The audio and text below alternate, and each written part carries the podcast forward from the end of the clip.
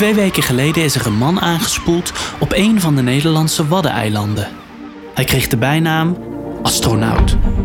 In deze podcast zoek ik het antwoord op de prangende vraag: wie is de astronaut? En hoe kan een mysterieuze man zonder naam of persoonlijkheid zo ontzettend tot de verbeelding spreken? Dit is de zaak Astronaut. Vandaag de grootste familie van Nederland.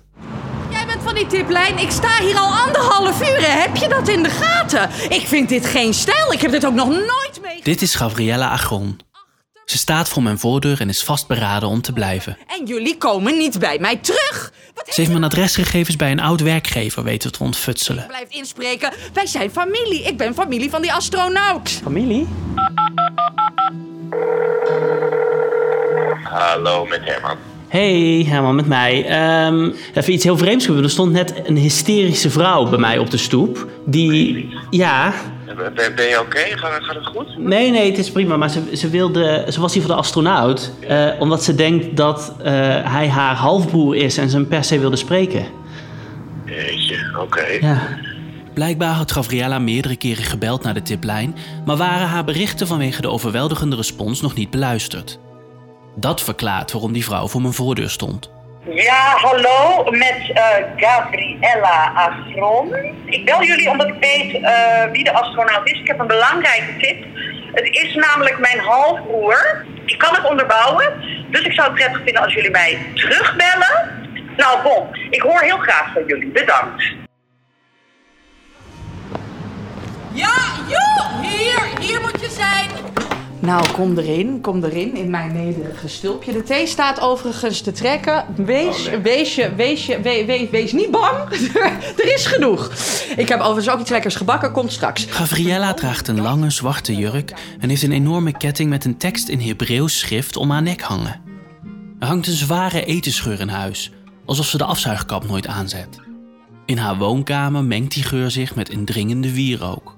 Het staat hier vol met beeldjes, kandelaars en prenten uit verschillende culturen. Maar het meest opvallende in deze kamer is de paarse muur naast Gavriella's bank.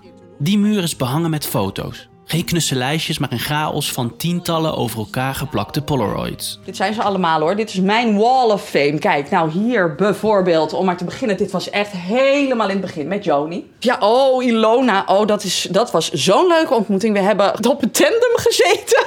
Was hartstikke fijn in de bossen bij, eh, bij Amersfoort. Zijn de vele gezichten een testament van een rijk sociaal leven? Gabriella staat op alle foto's vooraan. Zij houdt de camera vast. Als ik beter kijk, zie ik dat alle gezichten een overeenkomst hebben. Dezelfde frappante neus. Als ik vraag wie de mensen op de foto's zijn, krijg ik een verrassend antwoord. Je ziet het. Ik, ik kan over iedereen wel hele verhalen vertellen. Maar dit zijn al mijn broers en zussen. Ja, halfbroers en halfzussen. Maar dat maakt voor, voor het gevoel maakt dat niet uit. Eh, dit zijn allemaal kinderen, zoons en dochters van eh, Gerard Brown. Ruim 50 kinderen die zijn verwekt met donorzaad van de omstreden. Ja, ik vind het echt een man met een, een grootheidswaanzin. Pas in 2014 bleek dat zijn administratie. Iedereen heeft recht om te weten wie zijn, wie zijn biologische ouders eh, zijn.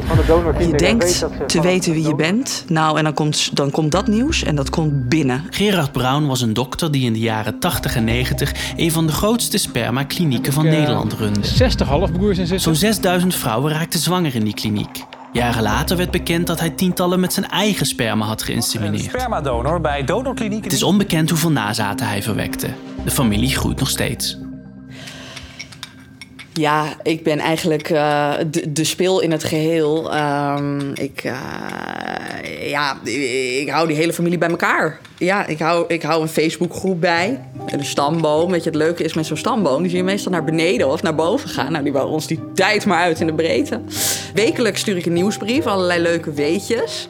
Ook ben ik natuurlijk het aanspreekpunt, hè. Eh, zowel voor de media, maar misschien nog wel belangrijker voor de mensen die nieuw komen in de familie.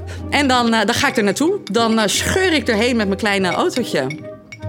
Iedereen heeft diezelfde blik, die blik van herkenning. Ja, en- maar- als ik het goed begrijp, denkt u dat de astronaut, dat dat er ook eentje van Brown is. Begrijp ik dat? eh? Nou, denken, dat kunt u wel vragen, maar eh, ik weet het. Weet je, eh, er is geen twijfel over mogelijk. Nee. Dus ja, Ik zie dat Herman teleurgesteld is. Hij dacht een direct familielid te pakken te hebben en niet een halfzus die hem nog nooit heeft ontmoet. Als hij vraagt naar het substantiële bewijs voor Gavriella's bewering, trekt ze een dikke stapel fotoboeken uit de kast. Terwijl ze er doorheen bladert, lijkt ze te worden overweldigd door de ene naar de andere herinnering. Ik zie dat Herman zijn best moet doen om zijn ongeduld niet te laten blijken. Ik ben, ik ben, ik ben geboren als, ehm, als Karin. Eh, dochter van alleenstaande moeder. En ik heb eigenlijk altijd al het gevoel gehad, ook als klein kind, hoe klein ik ook was, waar hoor ik bij? Ik was altijd zoekende. Ik voelde die verbondenheid eigenlijk nergens. Gabriella legt uit dat ze na haar studie in een kibbutz in Israël is gaan werken, daar met een Joodse man trouwde en vervolgens een lang en moeizaam bekeringsproces startte om zelf Joods te worden. Niet veel later scheidde ze van haar man en werd ze zen-boeddhist in een klooster in Ude. Gabriella bladert naar een pagina waar ze met ontbloot bovenlijf en een doek om zich heen gewikkeld tussen een volkstam in Senegal staat. Ze heeft veel gezien van de wereld. Nou, toen ben ik bij de Bak gegaan. Ik ben zelfs naar Amerika gegaan daarvoor. En het voelde helemaal goed. De kleur oranje stond mij ook echt heel goed. Dat is echt mijn kleurtje. Ik kan het nu niet meer aan, want de herinnering is... eh, het is toch, toch nog te pijnlijk. Want er kwam daar een vrouw en ik voelde meteen... dat is echt een ouderwetse antisemiet. Nee, ik kan daar niet blijven dan. Ja, en, en dan... eh, ja, zo, zo blijf je zoeken. Waarom zou deze vrouw zich nergens thuis voelen? Vraag ik me af. Wat maakt haar zo zoekende?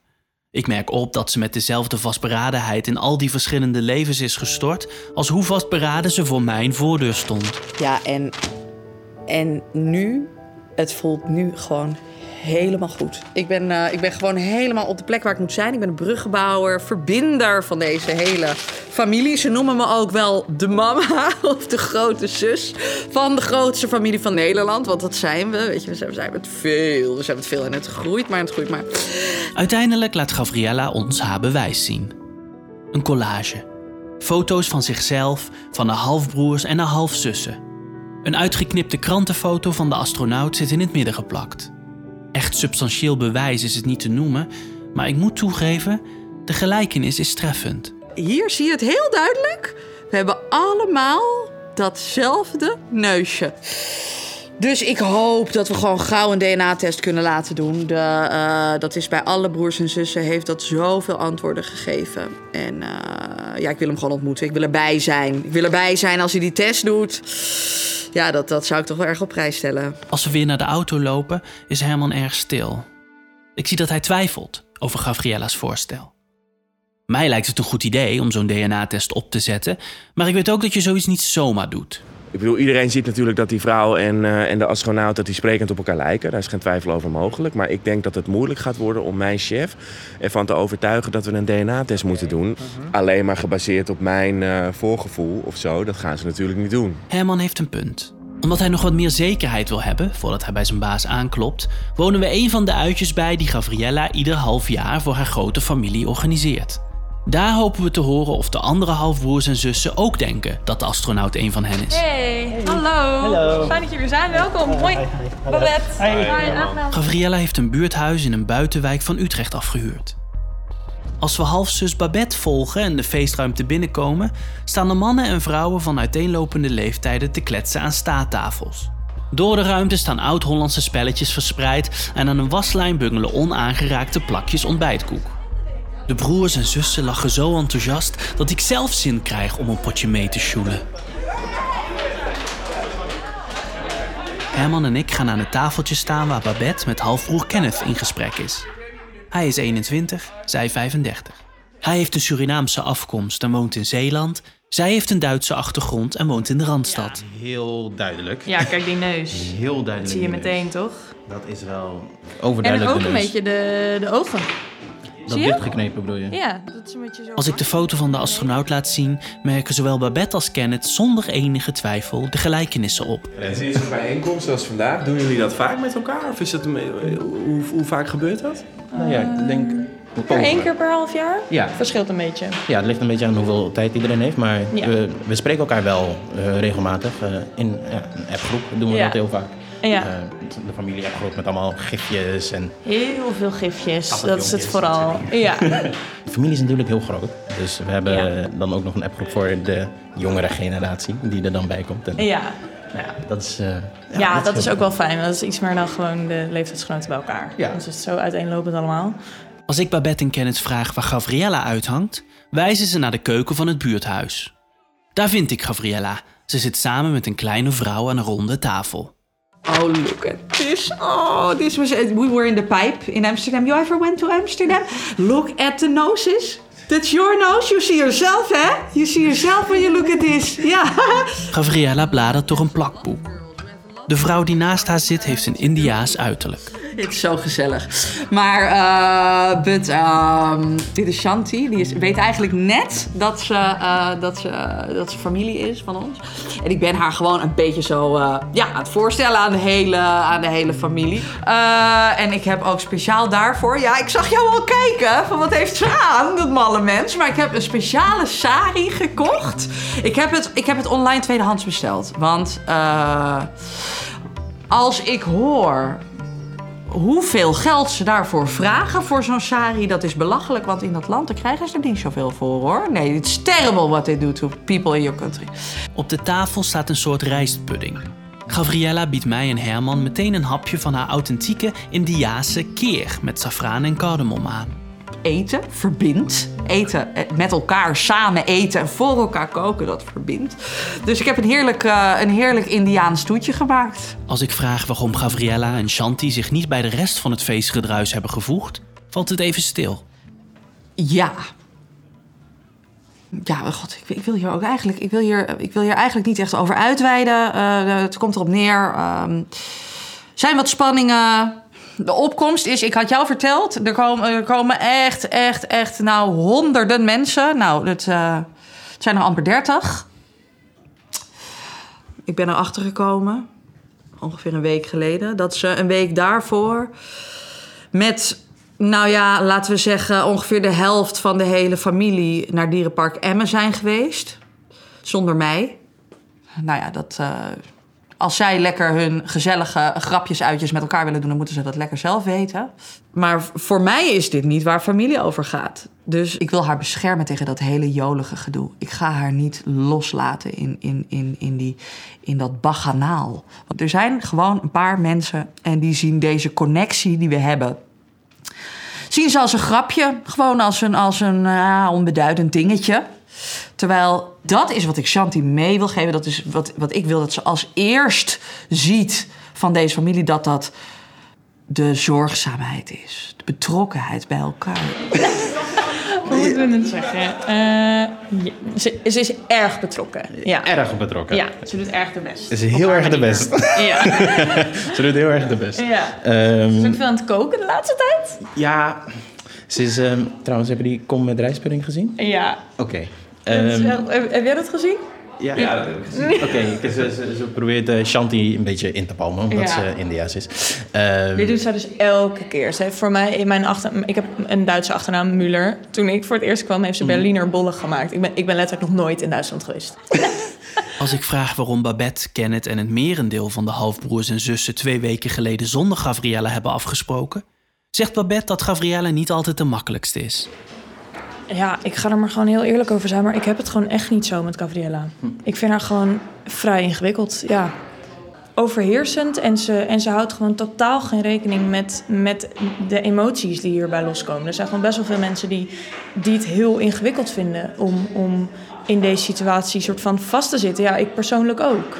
En dat ziet zij niet of zo. Daar heeft ze gewoon helemaal geen oog voor. En zij is gewoon van, nee, wij zijn een nieuwe familie en je doet mee. Volle bak. Ze neemt zoveel ruimte in. Eh, laatst eh, stuurde ze allemaal mailtjes midden in de nacht. Omdat eh, iemand iets had gezegd op Facebook en daar was ze het niet mee eens. En dan allemaal boze berichtjes sturen. Maar dan de volgende dag wel heel lief eh, allemaal van die hartjes sturen in, in de groep.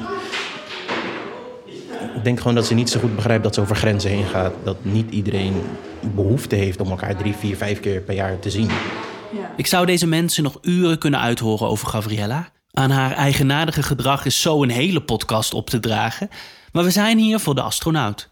En Herman is inmiddels ook overtuigd. Een paar dagen later volgt er goed nieuws. De baas van Herman heeft het afnemen van een DNA-test goedgekeurd.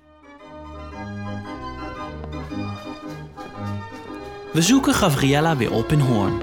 Dit keer om haar DNA af te nemen. Maar als Herman en ik Gavriella's huis bereiken, staat er een cameraploeg van een regionale omroep voor de deur. Ze zeggen te zijn uitgenodigd om het bijzondere DNA-moment vast te leggen. Ja, nou kom erin. Ik geef jullie Gabriella is volledig in het wit gekleed. Geen sari of Hebreeuwse ketting dit keer. Terwijl een collega van Herman alles klaarzet voor de DNA-afname, vraag ik hoe het met Shanti gaat. Shanti, ja. Ja, dat is. Ik was het alweer bijna vergeten, weet je dat? Die Shanti. God, ja, nee, dat was geen klik. Nee, het, was al tijdens dat feestje dat ik dacht: waarom, waarom zeg je niet even dat het je goed smaakt? Dat rijstoetje, weet je wel, wat ik had gemaakt, was ontzettend goed gelukt. Ik heb er uren voor in de keuken gestaan. Ik heb die safraan moeten zoeken, die cardamom moeten zoeken. En het is ook hartstikke duur. Weet je dat safraan is hartstikke duur? Nou ja, goed. En ze kon het niet. Het, ze bleef trouwens ook mijn naam verkeerd uitspreken. En dat getuigt gewoon van, van niet goed luisteren. Maar goed, kijk, daar hangt ze. Kijk, ze blijft natuurlijk onderdeel van de familie. Ons DNA is niet te ontkennen. Maar ik hoef die vrouw niet meer te zien. Nee, dit, is, dit was hoofdstuk Shanti. Ik heb, die, ik heb die selfie aan mijn muur hangen. Dan is het voor mij ook sloes. Ineens begrijp ik Kenneth en Babette's frustraties. Gabriella speelt een spelletje van aantrekken en afstoten. De Polaroid-foto's aan haar muur zijn geen testament van een rijk sociaal leven, maar lege gebaren. Dan gaat de bel.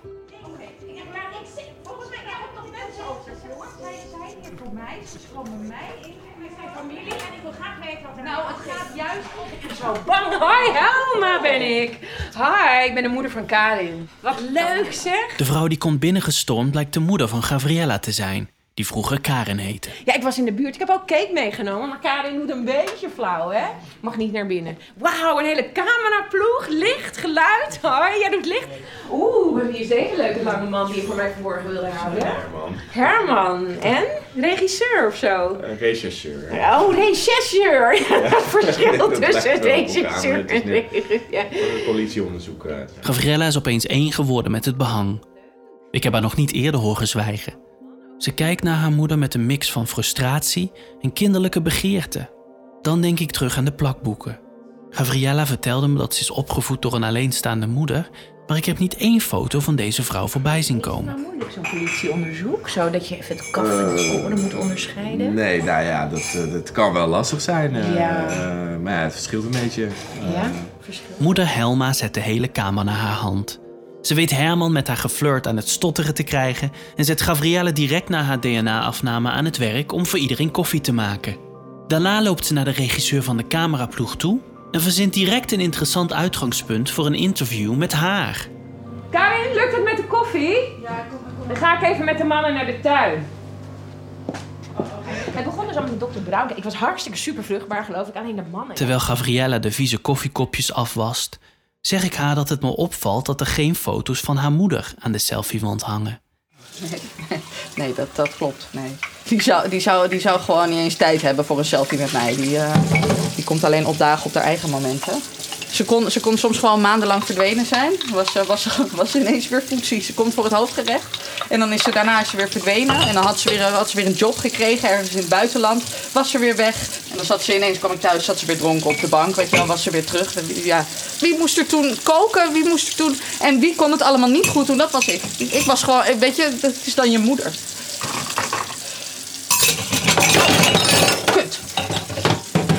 Toen heb ik het contact gewoon jarenlang eh, gewoon stopgezet. Ik, eh, je, soms moet je het gewoon loslaten. Gabriella is veel dingen, maar gesloten is ze niet. Zelden kom ik mensen tegen die zo open over kwetsbare onderwerpen durven praten.